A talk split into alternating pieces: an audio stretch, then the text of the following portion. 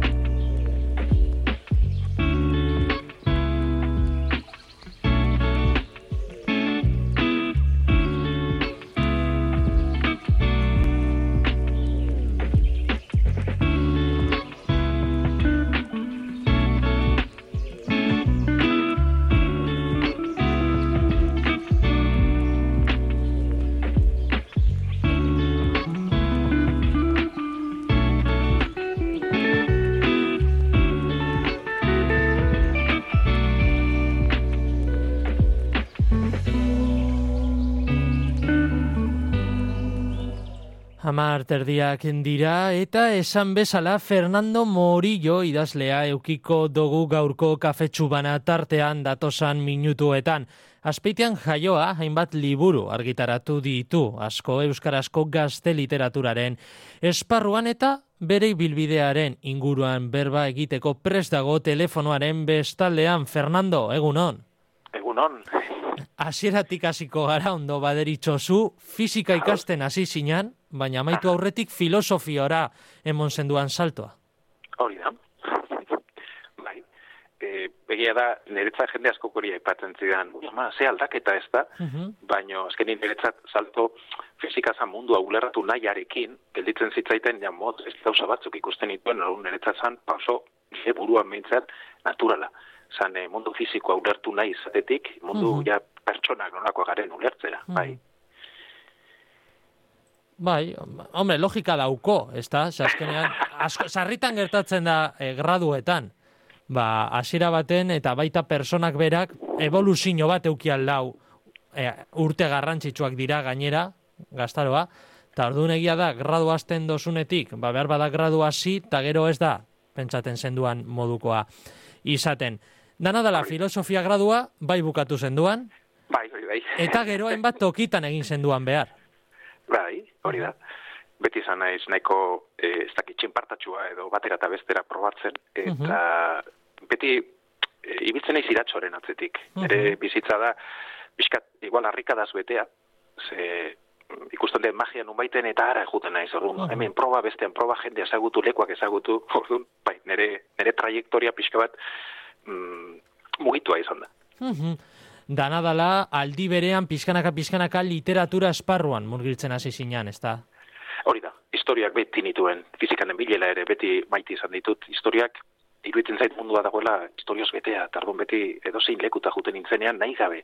Pertsona bat ezagutzen nuen, txoko bat ikusten nuen, da historioak etorte zitzaizkidan, orduan ezinbestekoa izan zen eretzat. Ez nintzen hartu, historiak sortu eta sortu ari nintzela, talako baten pentsatu nun, jo, bai idazlea naiz. e, behar bada dana dala zeure bilbideko inflexio puntua izan lehi 2002ko aurre eta gazte literaturako Euskadi saria jaso zenduanean izarmalkoa kobra gaitik.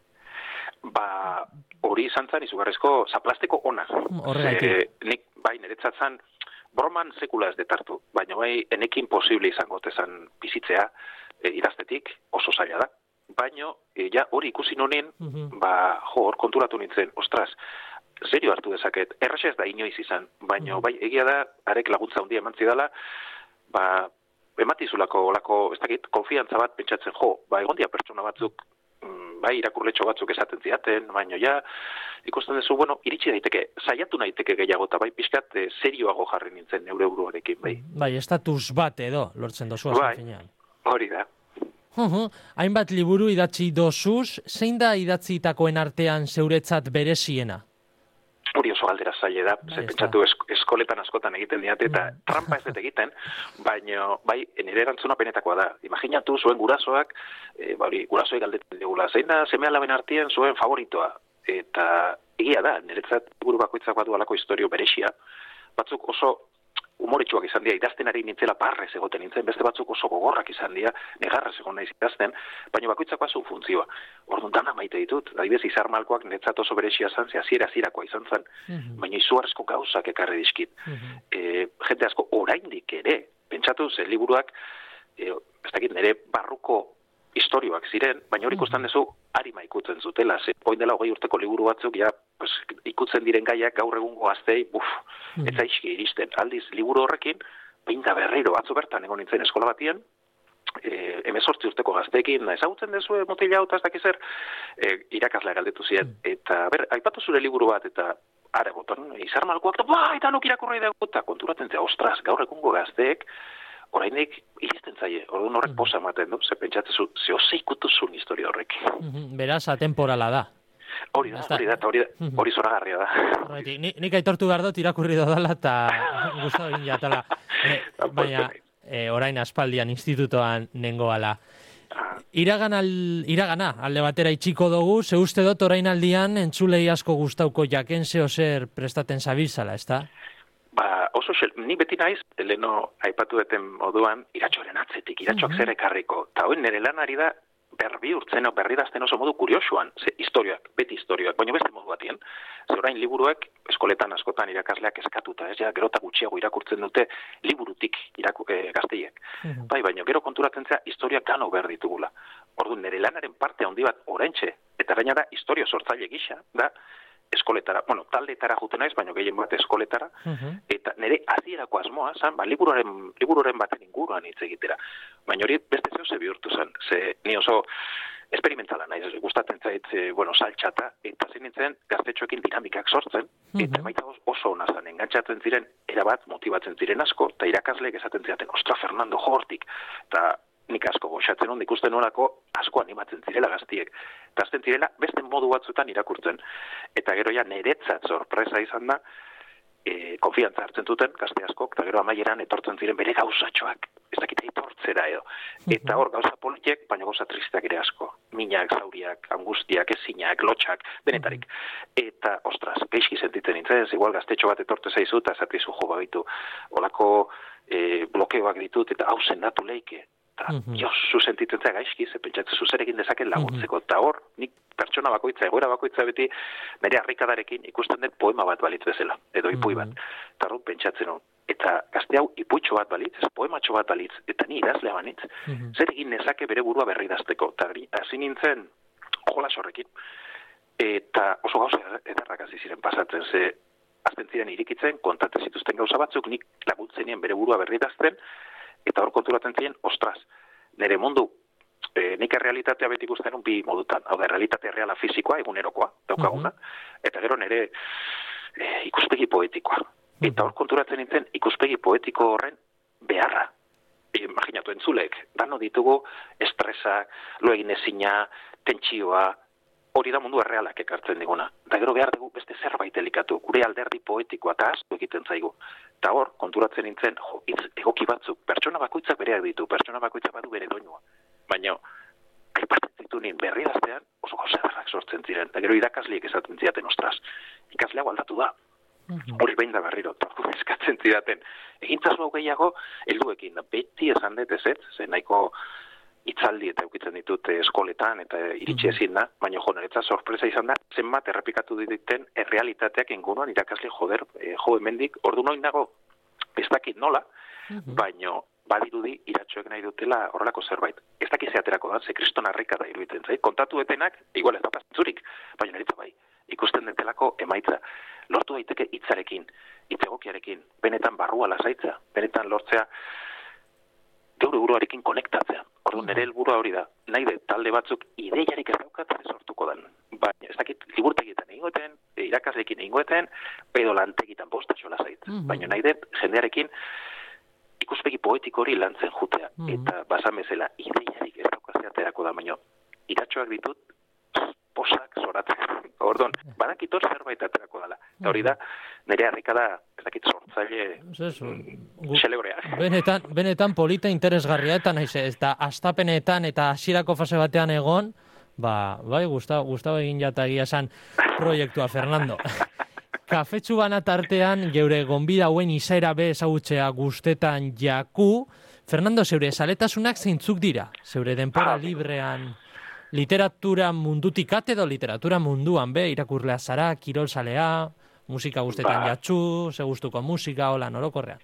Niretzat dana da bat, hau da, mendira juten naiz asko gustatzen da pasiran ibiltzea, Mhm. e, e, goxatzea, baino beti da historio baten bila. Txakur bat topatzen dut, txakurrarekin azten naiz jolasie, baino imaginatzen ze historia duen barruan.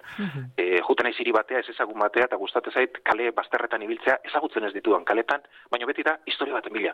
Bapati nagure bat topatzen dut, berarekin hitz egiten, boa, niretzat horrek kriston e, asko gustatzen zait. Orduan, galdetzen diatenean, ba, adibidez, ze zaletasun dituzu, beti pentsatzen de jode beti da bera. Da, historia bat topatzea.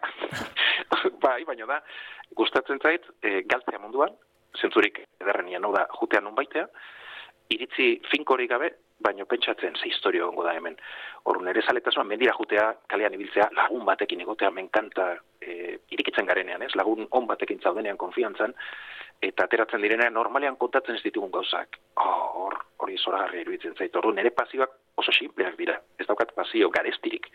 Hori, hori hona da, idazle izateko, zego, gure zarrerak dira oso gora beratxuak, baina hori goxatzen dut, kafetxo bat hartu lagun batekin, eta entzun, entzun, entzun ze kontatzen duen, eta saiatu, hori, mm, berkontatzen nire buruan, eta, eta orduan, ze, bezako nizuke nire zaletasun bakarra da, historioak. Mm. Baina, karo, horrek, dana, zurekin nahi nahi zitzeiten, eta zure hautsarekina, etorte zaizkit historioak, da, pentsatzen dut, ez, da, ez daukat erremedio hori. Dana enfokauta dago, beraz.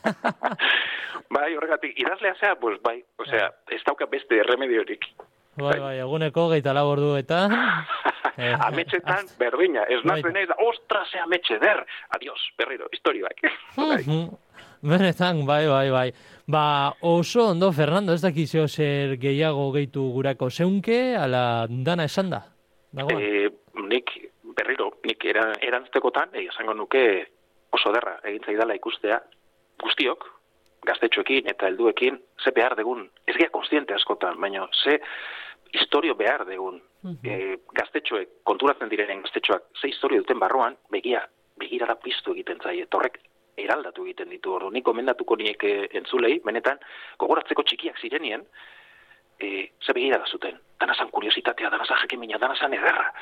Horrek barruko historiak pizten ditu. Orduan hori hori besterik ez. Eguzki zoragarria daukat aurrean, pues hori, bete hori historioz, takitxo. Ba, egun ederra dator eta ba, Fernando Morillo, mila esker benetan geure mikrofonoetan egotearren eta dana ondo baino beto joan dadila eta batez be hortxe buruan dosun proiektua aurrera atara dadila. Eskerrak zuei. Agur, Gero arte. bai.